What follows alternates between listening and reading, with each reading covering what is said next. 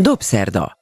Váradi Júlia portréműsora a Klubrádióban. Beszélgetések kultúráról, művészetről és a világ dolgairól.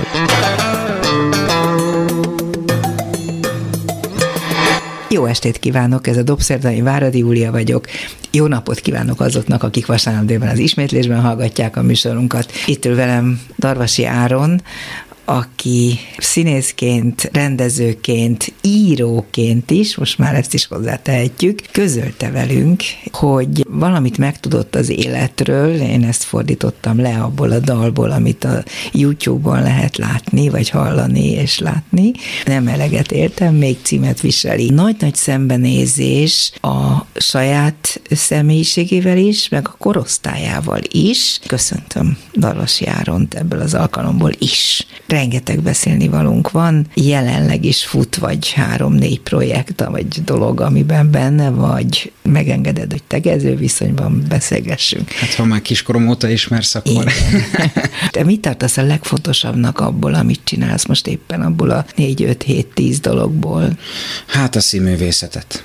Mindig azt tartottam talán a legfontosabbnak, talán azért, mert az indult a legnehézkesebben akkor azt el is mondod mindjárt, hogy miért indult a I- Igen, ez egy sokrétű dolog. Az egyetemen ugye nekünk nagyon szépen indult azért a, a karrierünk, vagy az egyengetésünk a tanárok által, és aztán történt a Marton botrány a mi osztályunkban, az nagyon-nagyon szétzilálta az osztályt, lett egy nagy zavartság, és úgy felbomlott az a, hát hogy mondjam, az az egészséges ilyen hierarchia, amit egy osztályfőnök úgy megteremt egy osztályon belül, hogy ki az, aki való mondjuk komolyabb szerepekre, ki az, aki a viccesebb szerepekre való, ki az, aki hősszerelmes típus, és ezek úgy megvoltak. És ez fel... Ti nagyon rajongtatok az ő tanítási Igen. metódusáért. Azt Igen. tudom, hogy igazán összetörtél, amikor ez a hát botrány kerekedett vele és körülötte.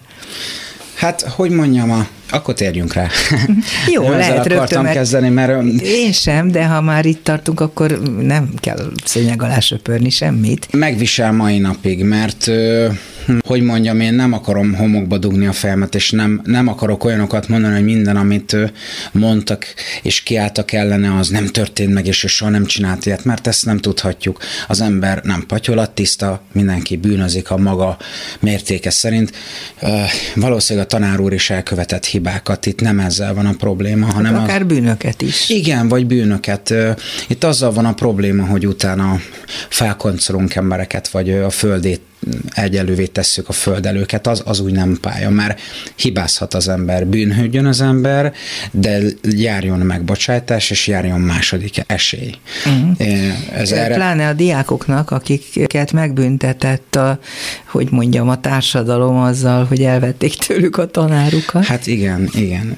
De hát persze ez egy nagyon bonyolult kérdés, és egyáltalán nem gondolnám, hogy, hogy felmenthető bizonyos ügyekben, miközben én is azt hiszem, hogy az olyan általános szokás a mai, meg a talán a korábbi Magyarországon is, hogy akit egyszer csak ki lehet kiáltani bűnösnek, azt valóban földbe kell döngölni, gondolják az emberek, és akkor az már nem ember, tehát a, igen, nagyon. Ez, ez igen, mert, mert bűnhődjön az ember, de, de második esély, és ezt azt hiszem pont a Mocsi Zoltán mondta, az igenis kell, hogy járjon. Tudnia kell bizonyítani az embernek. Ugyanúgy a Marton tanárról is kapott második esélyt, ugye pont az Oberfrank Páltól, de, de nem hiszem, hogy akkor már ereje teljében volt a betegsége miatt, nem tudta azt a, azt a hogy mondjam, lelki és elemi szintet teljesíteni, amit ő tudott volna. Én egy, ő egyszer egy apa és egy nagyon jó barát volt, szóval egyszer volt, hogy haragudtam rá, volt, hogy sírtam, volt, hogy, hogy fomokba dugtam a fejem, szóval ez egy bonyolult dolog, azt senki ne várja tőlem, hogy én hogy én nem ő mellette fókálni valaha. De hogy ezek szerint a színművészet, így fogalmazol, ez áll a leges-legelső helyen a rangsorban, és amikor meghallgattam azt a dalt, amit az imént már említettünk, amelyet te magad írtál, mint ahogy a dalaidat, a kultúrkör dalait minden alkalommal te írod, te is rendezed ezeket a videó filmecskéket, én nem nevezném klipnek, Igen, mert ez több klipek. annál. Nekem még annál is több. Szóval. Érdekesek, fontos a film benne, a Igen. filmrendezésnek is van szerepe, és ebben tulajdonképpen azt kötöd az orrunkra, nekünk, hallgatóknak, nézőknek, hogy egy nagyon problémás gyerek gyerekkorod után egy talán még problémásabb kamaszkor következett, és abból tulajdonképpen csak most a legújabb időkben, vagy éppen kilábalóban, talán most találod meg magadat, én ezt vettem le ebből a dalból, és akkor erről kéne egy kicsit még beszélni, mert a rangsorban persze majd tovább megyünk, hogy a színház után mi következik. Igen, kezdődött azzal, hogy én egy eleven gyerek voltam, ö, igazság szerint, ami engem nem érdekelt, vagy nem, nem keltette fel a figyelmemet, egyszerűen én arra nem figyeltem, hiába volt ö, szigorúan matek tanár, verekedtem, és aztán ugrunk egy nagyot, mert igazából eleven voltam, és akkor anyáik elkezdtek kivizsgáltatni mindenféle gyerekpszichiáterekkel, hogy beteg vagyok-e, vagy és a gyerekpszichiáterek mindenhol azt mondták, hogy semmi baja nincs a gyereknek, egyszerűen túlmozgásos, és túlságosan sok energiája van.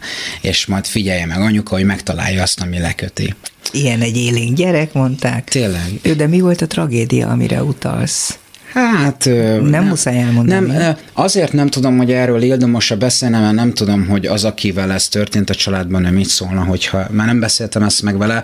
A családomnak egy nagyon fontos tagja, akit én mai napig nagyon szeretek, aki ma már egészséges, és nagyon jó kapcsolatot ápolunk, tehát ez egy pozitív történet. Ő nagyon-nagyon beteg volt, nagyon sok minden volt, ami tényleg, tehát öngyilkossági kísérlettől kezdve rendszeres mentők jártak ki, gyomorgörcse jártam haza mindig az iskolába, igazából mm, ez egy olyan betegség volt, amire az illető nem tehetett, tehát akaratán kívüli betegségről És beszél. egy nagyon közel álló emberről van szó, igen, tehát aki igen. a te életednek egyik legfontosabb igen. része volt.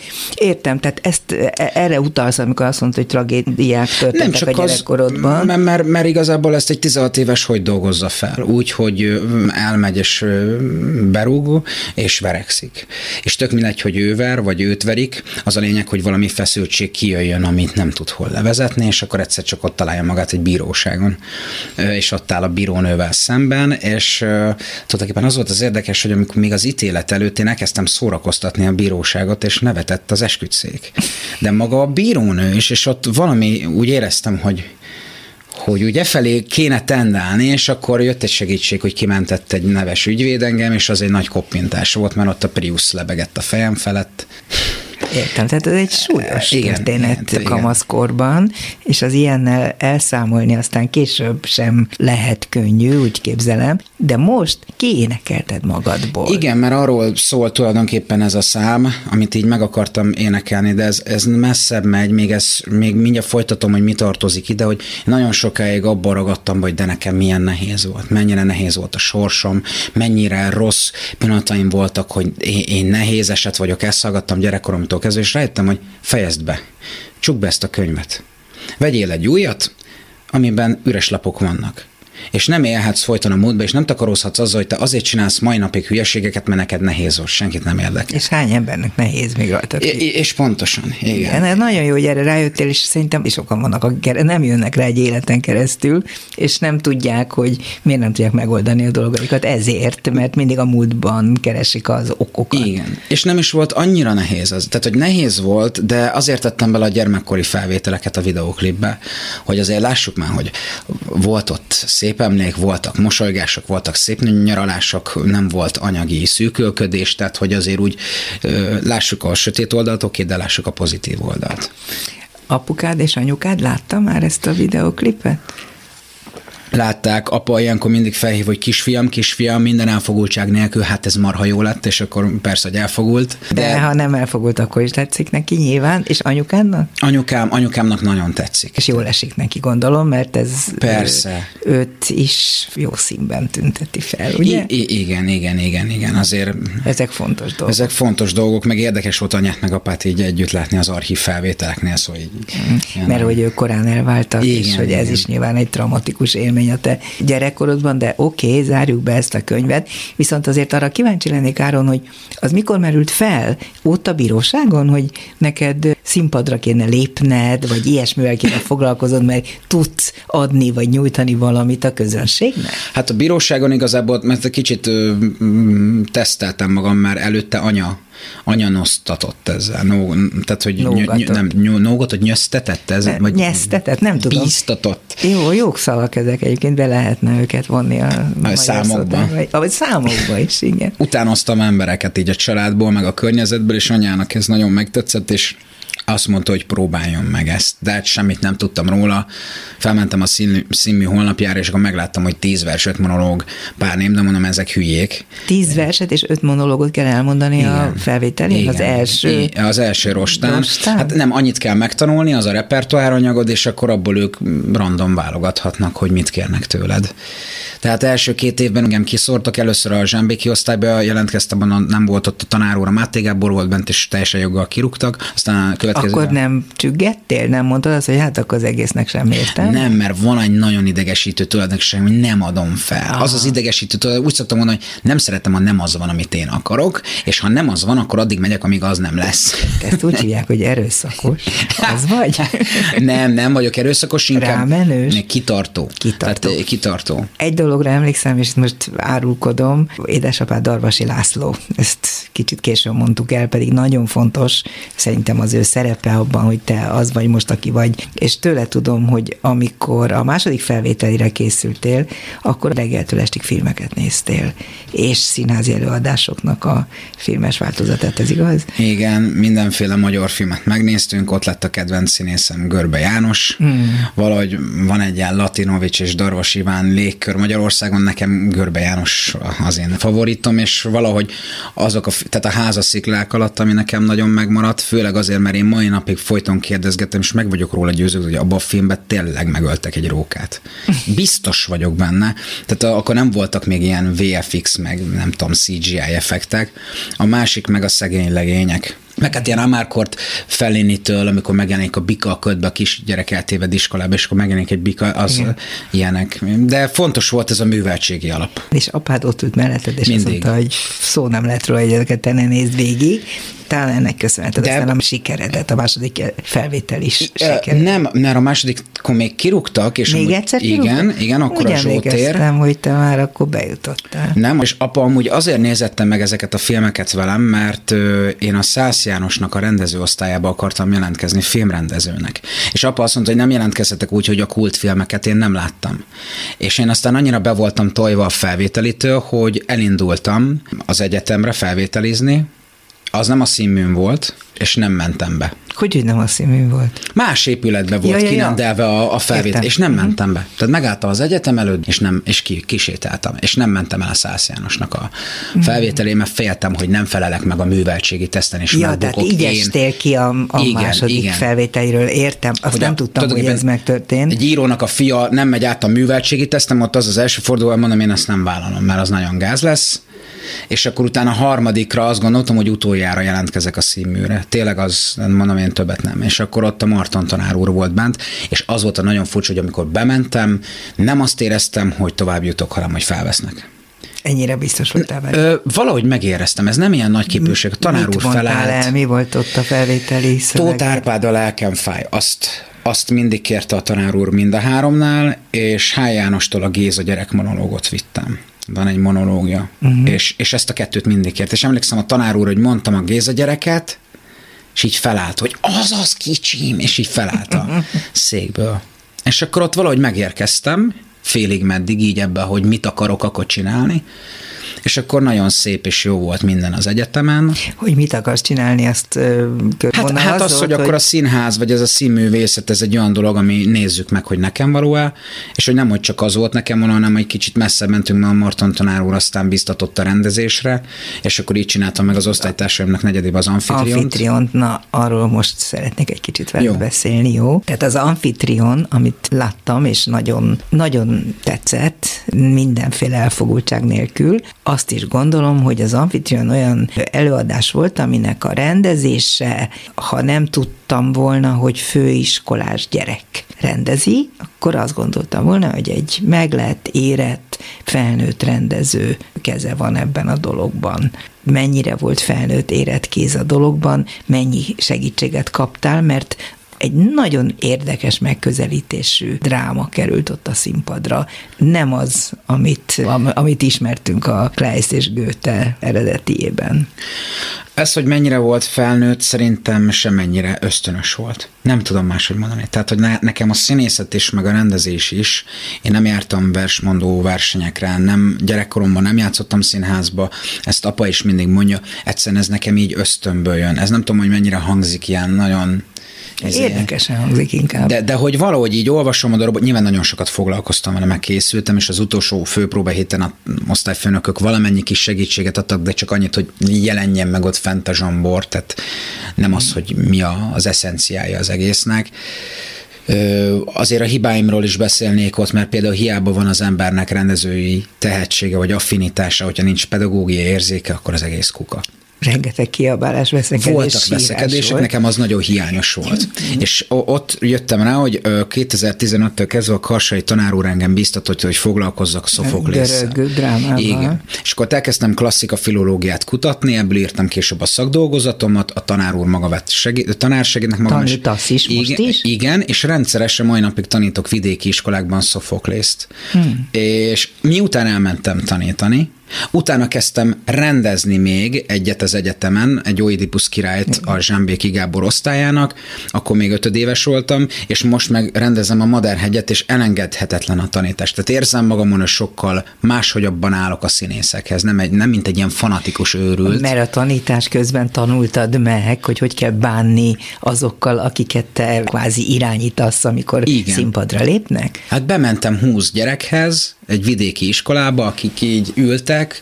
ö, telefonoztak, és ott nem ordíthatsz rájuk, hogy figyeljetek, hanem el kell érni. Mi az óra neve?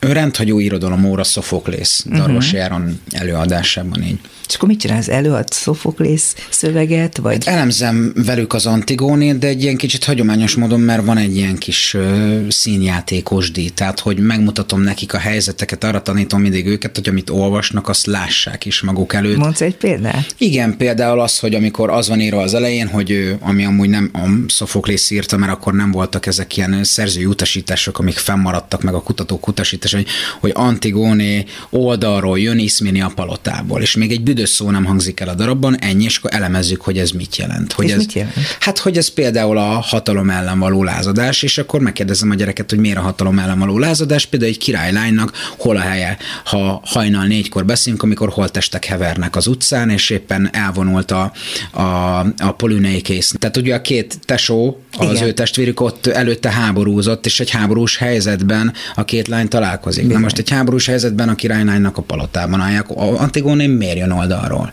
És akkor elkezdik vakarni a féket, hogy honnan jöhet és akkor megkérdezem tőlük, hogy honnan jöhet, és akkor elkezdünk ezen agyalni. Na most ez nem volt leírva a görög színházban, mert ott az volt, hogy ez annyira kultikus volt, hogy valaki oldalra jött, akkor már röhögtek a görögök. Mert tudták, hogy ez tudták, hogy ez valami, nem valami gyanús az Antigónéval. Erre te úgy jöttél rá, hogy nagyon sokat olvastál erről? Erről is, meg a tanár úr nagyon sokat beszélgettünk. Hát róla. jó, persze, Karsai György azt hiszem nagyon jó görög dámákról beszélgeti, másról is, de erről különösen. Te doktori iskolás is lettél?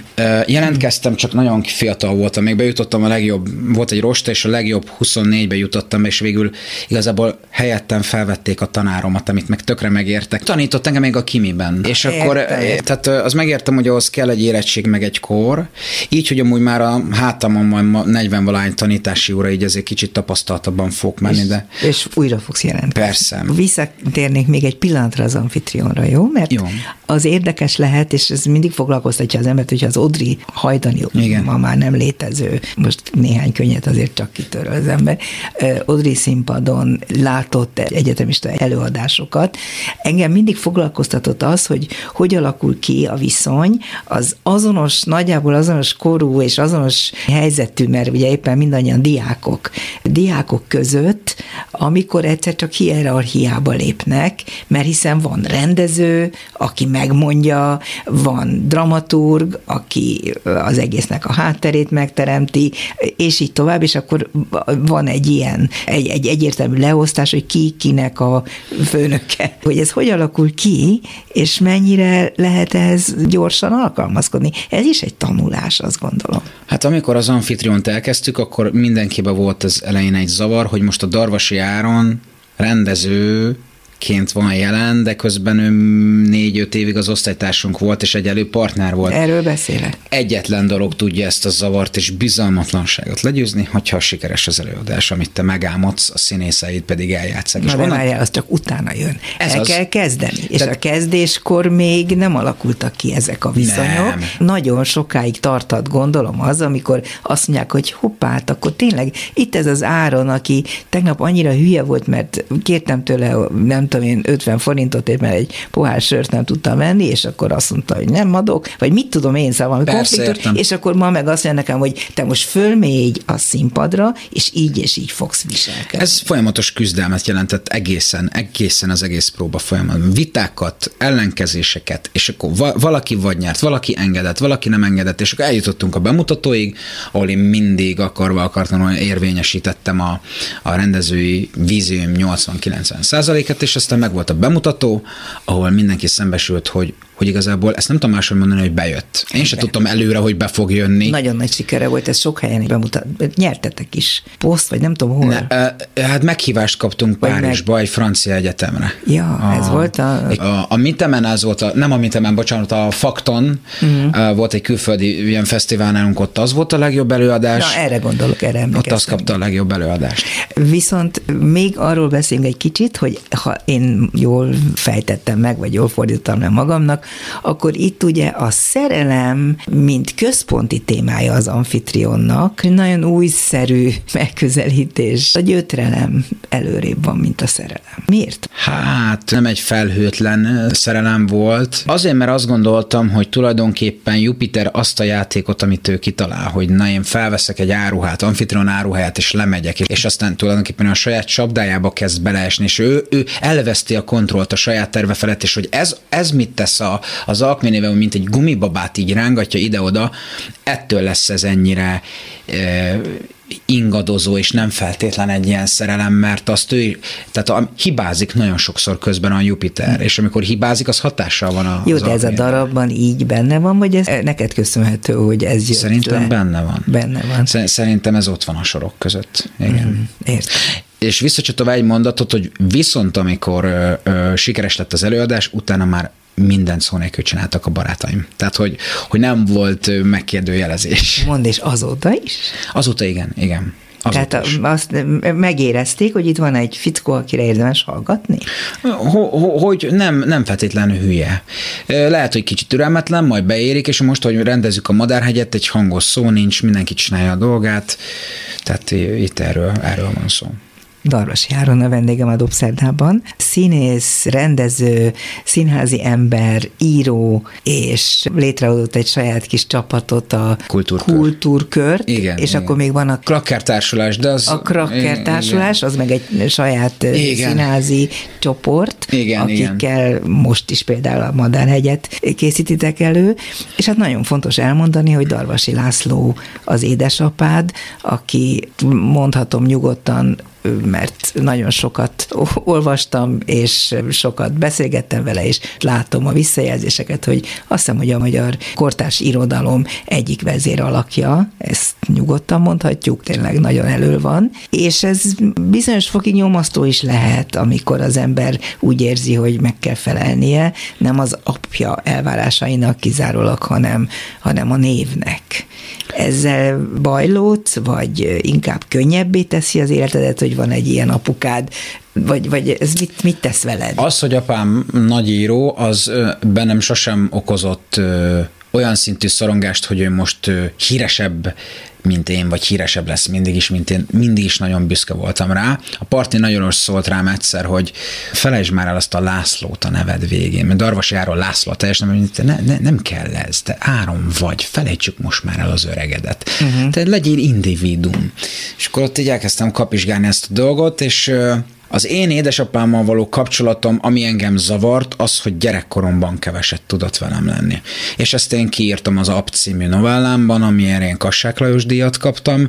Az neki nem esett jól természetesen, amit én megértek, de szerintem, szerintem az, az én oldalam felül egy elég tiszta tükör, hogy volt egy sikeres író, aki, aki méltán volt sikeres író, ösztöndíjakkal utazta Berlint, Németországot, mit tudom én, München, stb. Párizs, egy előadásával jöttek a sikerek, díjak egymás után, és akkor közben meg a gyerek amúgy meg nagyon apás volt, és ő sokkal többet akart volna apából.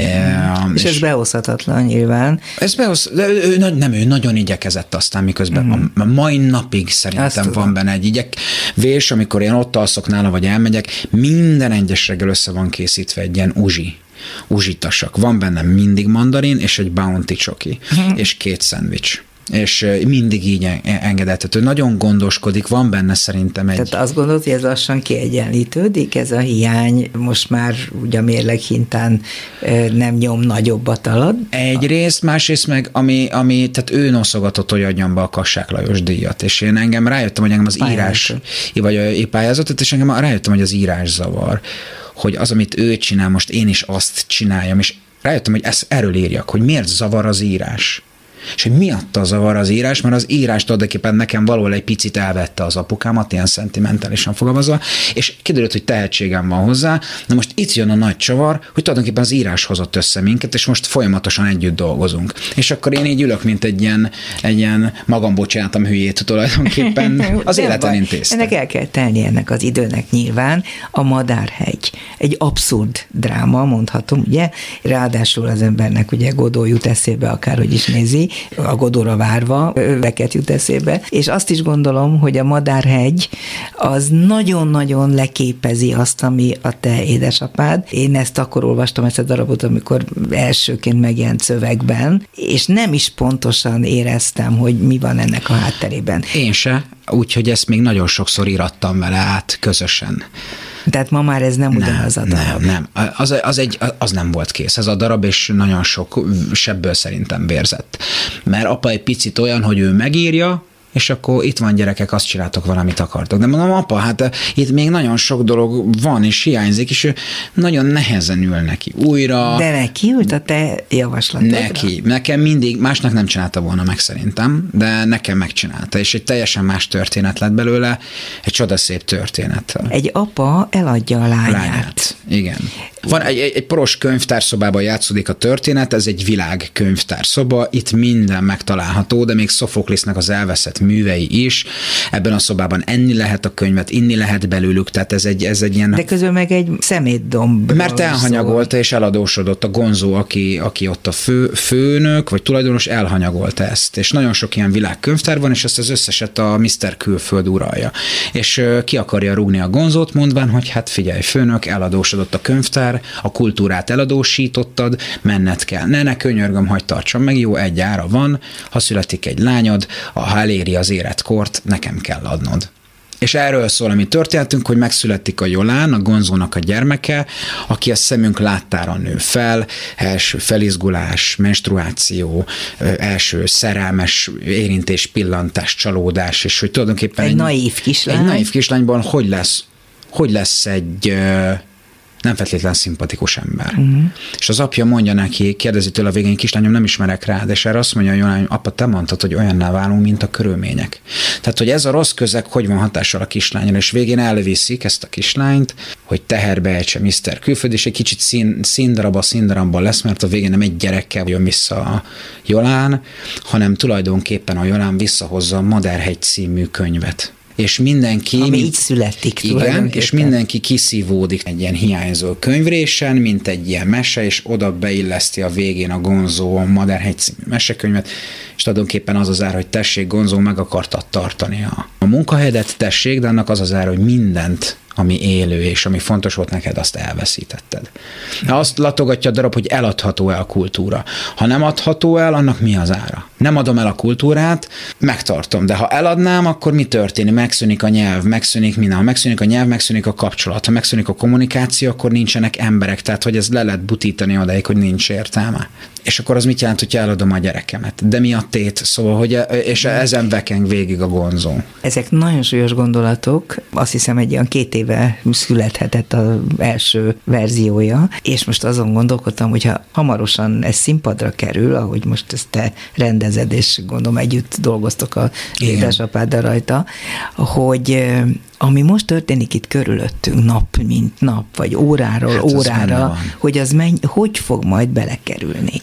Nagyon erőteljesen azért nem akarom bele, beletenni, mert én bízok abban, hogyha megjelenik egy hatalom a történetben, ami elvesz erőszakkal valamit, és e, nem kérdez, nem, nincs kompromisszum, elveszem, akkor azt rá lehet erre húzni, és akkor ha megkérdezi valaki, mondhatom azt, hogy ez benne van. De ezt túl nyomatni, Direkt. igen, azt nem kell. Vannak darabok, amik erre a helyzetre illenek, ahogy ez is. Aktuálissá vált Magától. Igen, igen. Erre, erre utaltam az előbb, igen, hogy két évvel ezelőtt íródott, de akár ma is íródhatna. Igen. Csak hogy mondod, hogy apád nekiült és átírta, formálta igen. veled együtt. És most is változik még közben. Erre gondoltam, mert ő, ő nem tud eltekinteni attól soha, hogy éppen milyen, milyen világ és veszi őt körül. De hogy nekem megengedte, azt mondta, hogy azt csinálunk a szöveggel, amit akarunk, tehát mi a próbán folyamatosan alakítjuk, tehát igazából még egy kész szövegkönyvünk sincsen, mert a minden egyes alkalomkor a rendezőasszisztens írja bele a változtatásokat, kerülnek bele pluszmondatok, kerülnek kimondatok, cserélnek helyek, mondatok, mert dramaturgia úgy van, értem, ez nagyon izgalmas amúgy.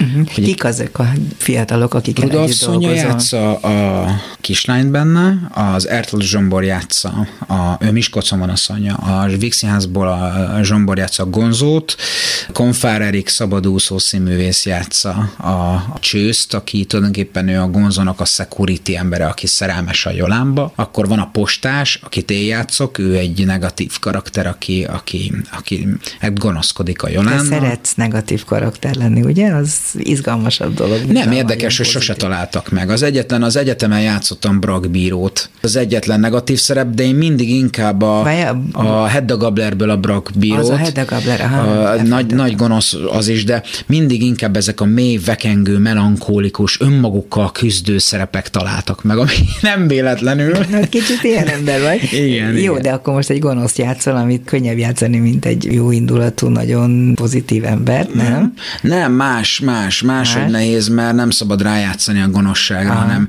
úgy kell gonosz Finoman legyek, hogy én nagyon lenni. hiszem azt, hogy bármikor megkérdezek valakit valamiről, én megkérdezem, de az azt hiszem, hogy tök kedves, és közben akkor jó, hogyha kívül azt gondolja az ember, mekkora egy rohadék van.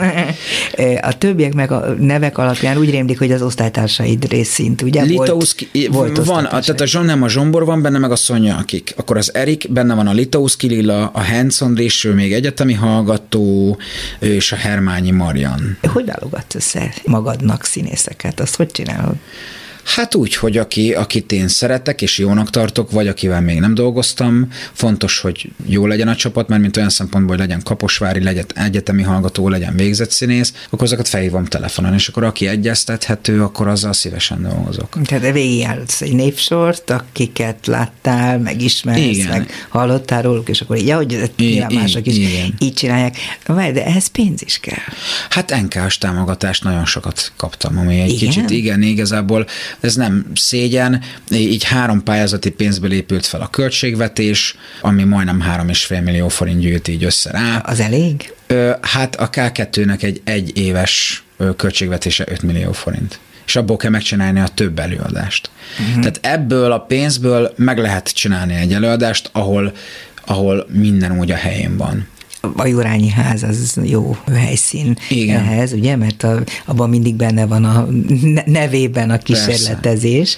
Mennyire lesz ez kísérletező színház? Tehát a darab maga is az abszurditásánál fogva teljes mértékben azokhoz a darabokhoz sorolható, amelyekben bármi elképzelhető.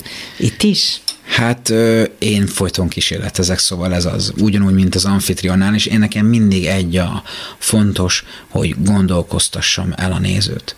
Mert azt látom a mai fiatal színházrendezőkön, vagy akik színházat csinálnak, hogy megy a hatás, megy az effekt, megy a lufi, és nem foglalkozunk a lélekkel, nem foglalkozunk. Tehát azt látom, hogy nagyon menőn felöltöztetett, kvázi próbababák sétálgatnak a színpadon, de semmi, nincs, nincs, nincs kitalálva a szíve, a vérkeringése, a tüdeje, a bérrendszere, a légzése, nincsenek kitalálva az emberi kapcsolatok, a mélység.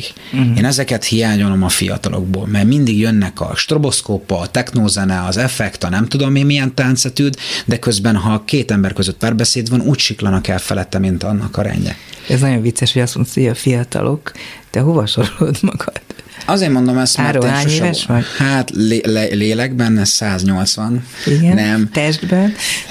27 éves vagyok, de én sose voltam jóba a fiatalsággal. Mert? Mert, mert én arra mindig valahogy idősebb generációban nevelkedtem. Apa, apa, ugye kiskoromtól kezdve mindig mentünk a kerékgyártó Pista kenesei nyaralójába, Eszterházi Péterig, Zálvadáig, de Pesten is, és mindig felnőtt közegbe voltam, és mindig valahogy a felnőttek gondolkodásmódját, beszédjét vettem át, ők elfogadtak olyannak, amilyen vagyok, és a fiatalok között én emiatt talán sose találtam így a helyemet nem is fogadtak el, a fiúk, fiúkkal nem vagyok jóba, a lányok jobban megértettek, mert a női lélek az valahogy mindig közelebb vált hozzá. Toleránsabb, meg, meg megértő. De akkor itt valami nagy ellentmondást érzek, mert nézem a klipjeidet, a YouTube-os dalokat, amelyeket, mint már mondtuk, te írsz, te találod ki a tartalmukat, te rendezed, még a filmezésben is gondolom valamennyire részt veszel, és játszol bennük, és ott vannak melletted a fiúk, ketten. Na jó, az más, mert ők gyerekkor, tehát hogy, hogy, hogy azért ők vannak haverok. kivételek, hogy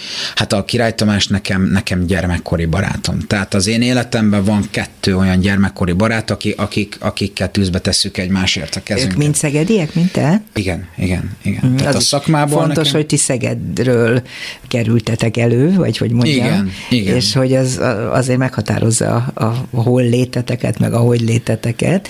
Tehát ők kivételt képeznek a egyébként fiataloknak nevezett réteg Igen. tekintetében. Tudom, hogy ez furcsa megérteni, vagy valahogy akkor inkább a szakmai közegemre próbálom ezt ráhozni, nem is az ilyen bará- baráti mm. közegemre. Nem tudom, én csak ezt tapasztaltam, hogy ne, ne, kevesen értenek valahogy engem. Sokkal jobban meg, megértettek mindig a lányok, meg az idősebbek. Valahogy ők értették azt. De akkor magányos fiú vagy valójában?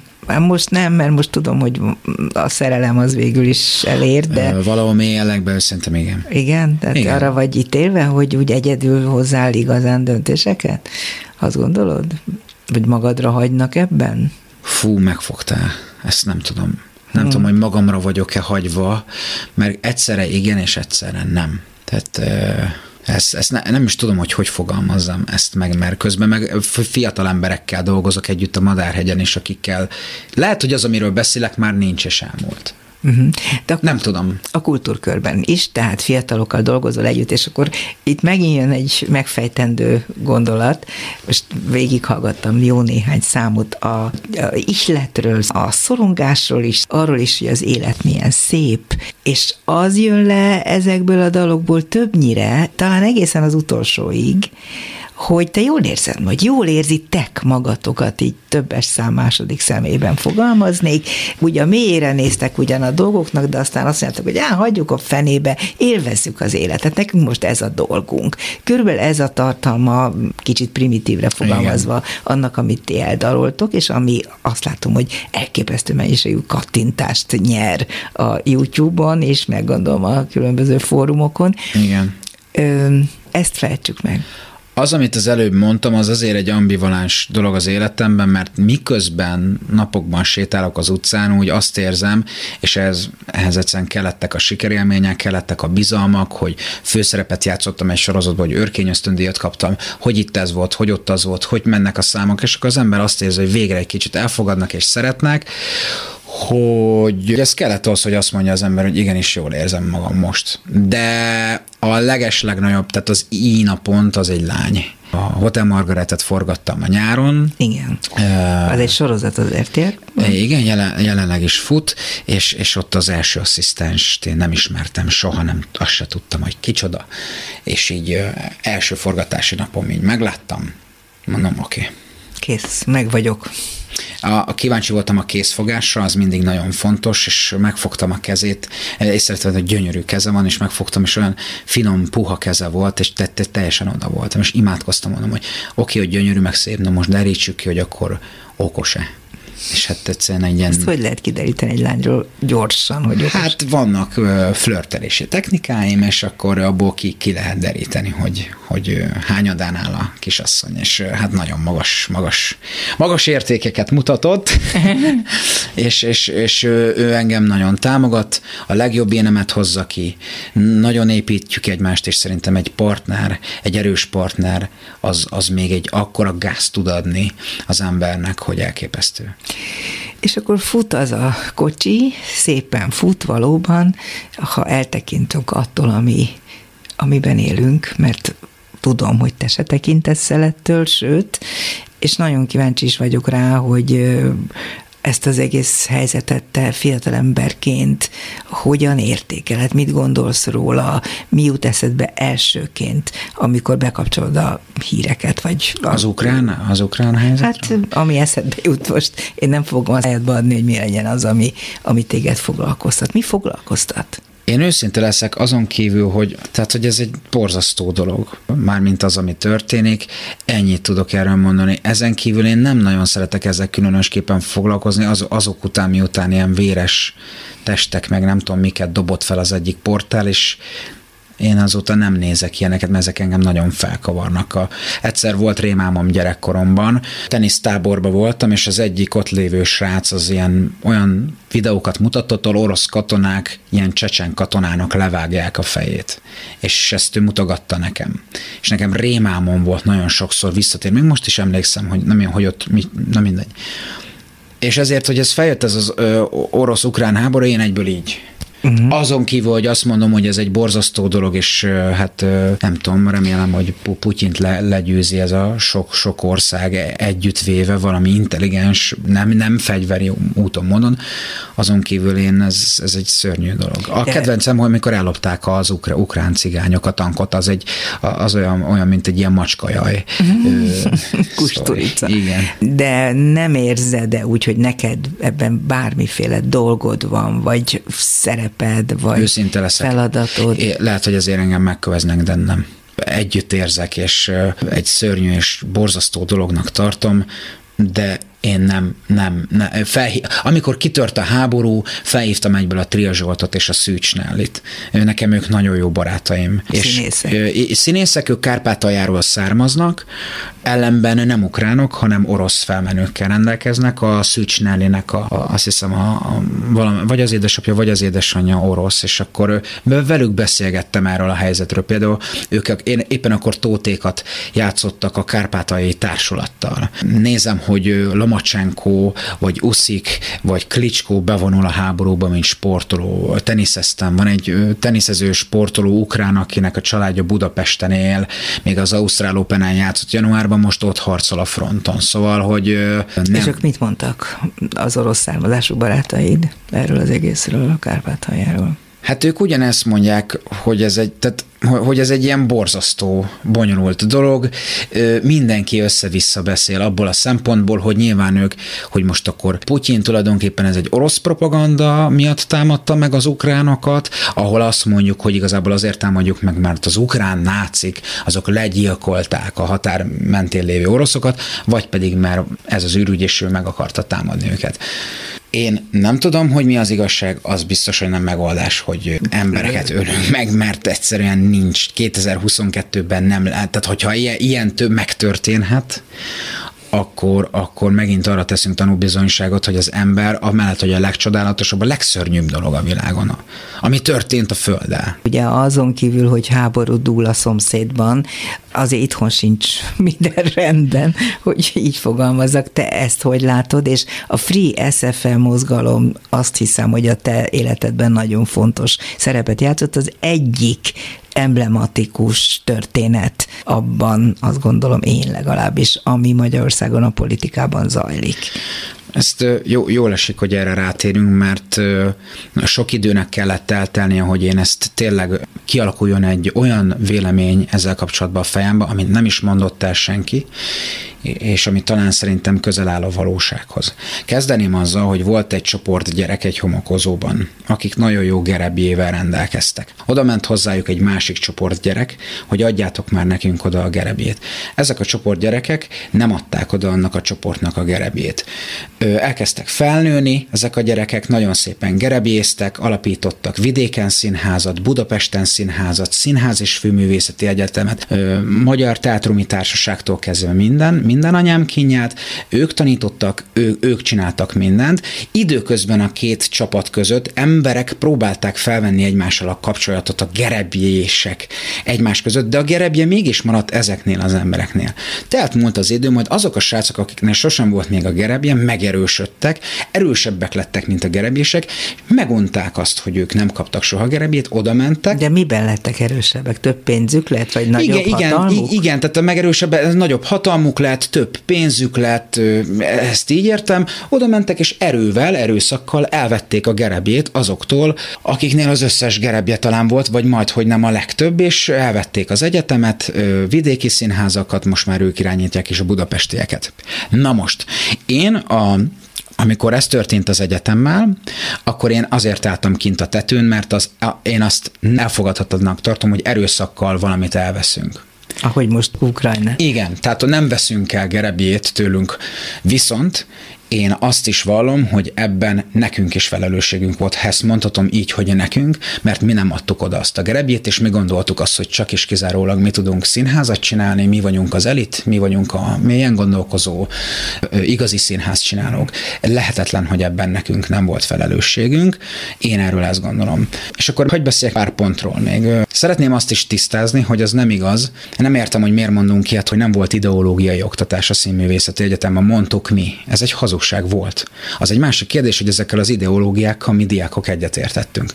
De nem mondjuk Miféle azt... ideológiák? Hát az ideológiák most azt értem az alatt, hogy voltak bizonyos színdarabok, drámaelemzésen vagy mesterségórákon, és bizonyos helyzeteket elemeztünk. De te színház az erről szól, nem? Persze. Lehet nem oktatni arról, hogy miről szólnak a darabok? Hogy nem, persze, hogy lehet. Tehát én pont azt mondtam, hogy e- ez volt, és ez tök jó, hogy volt, mert ez a színház dolga. Csak nem értem, hogy ez volt, akkor miért mondták azt a tanárok, hogy nem volt ideológia oktatása? De hogy nem volt. Ez egy kicsit bonyolultabb, de attól félek, hogy ez a műsor nem lesz elegendő mm. arra, hogy ezt megvitassuk. Jó. De én azt is gondolom, hogy nem arra a fajta ideológiára utaltak azok, akik megvádolták az egyetemet, hogy ideológiai oktatásban próbálják a diákjaikat folyamatosan Amire te gondolsz, olyan nem Han, volt. Politikailag, világnézetileg és politikai elkötelezettséget tekintve a hovatartozásról nem volt, azt gondolom, ilyenfajta ideológiai Hogy hozzak fel egy oktatás. példát erre a politikai ideológiára. Volt egy tanár az egyetemen, nem mondom ki a nevét, nagyon, általán mai napig nagyon szeretett tanár,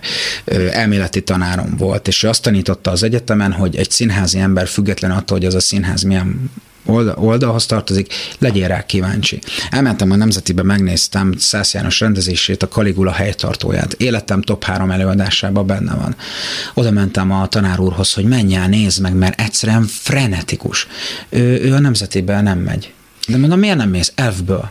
De mondom, tanár úr, te tanítottad azt, hogy egy színházi ember mindenre legyen kíváncsi, és ez felett, hogy látod, Áron, kell most szembe köptem magam. Tehát akkor meg felteszem a kérdést, hogy akkor valahogy volt-e politikai ideológia, jelen volt-e a politikai ideológia. Nem tudom. Hát ez nem ideológia szerintem, hanem történelem, de ezen nem fogunk vitatkozni. Nem. Értem, amit mondasz, és mennyire szomorú, hogy ide fejlődött, vagy ide tendált mindaz, ami ebben az országban a, nem csak a politikában, a kultúrában megtörtént. Szerinted van-e megoldás? Nem tudom, hogy van-e megoldás, mert én, én, de azt gondolom, hogy ez nem fekete-fehér, és nem lehet magunkat beállítani mártírnak, mert ok, okozat és következmény minden.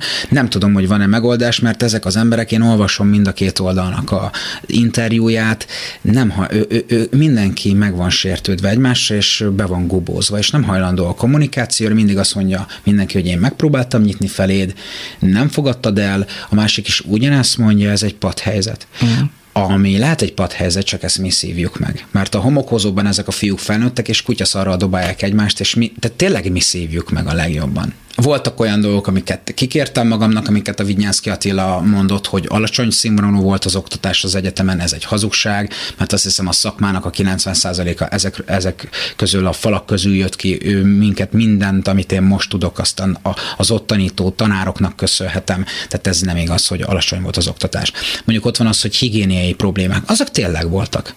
Tehát ez elmondom, ennek tök egyszerű az oka, takarítónő nem mehetett be az osztálytermekbe, mert lehet, hogy egy utolsó ilyen kis valami, az egy fontos kelléke volt az előadásnak. Ezért mi voltunk a takarító felelősök, tehát a fiatal gyerekek trehányak voltak, tehát volt olyan, hogy egy döglött hal ott volt a ruhák alatt, és valami csak bűzlött. Volt ilyen, persze, hogy volt ilyen, de volt olyan, hogy kakast vágtunk az osztályban.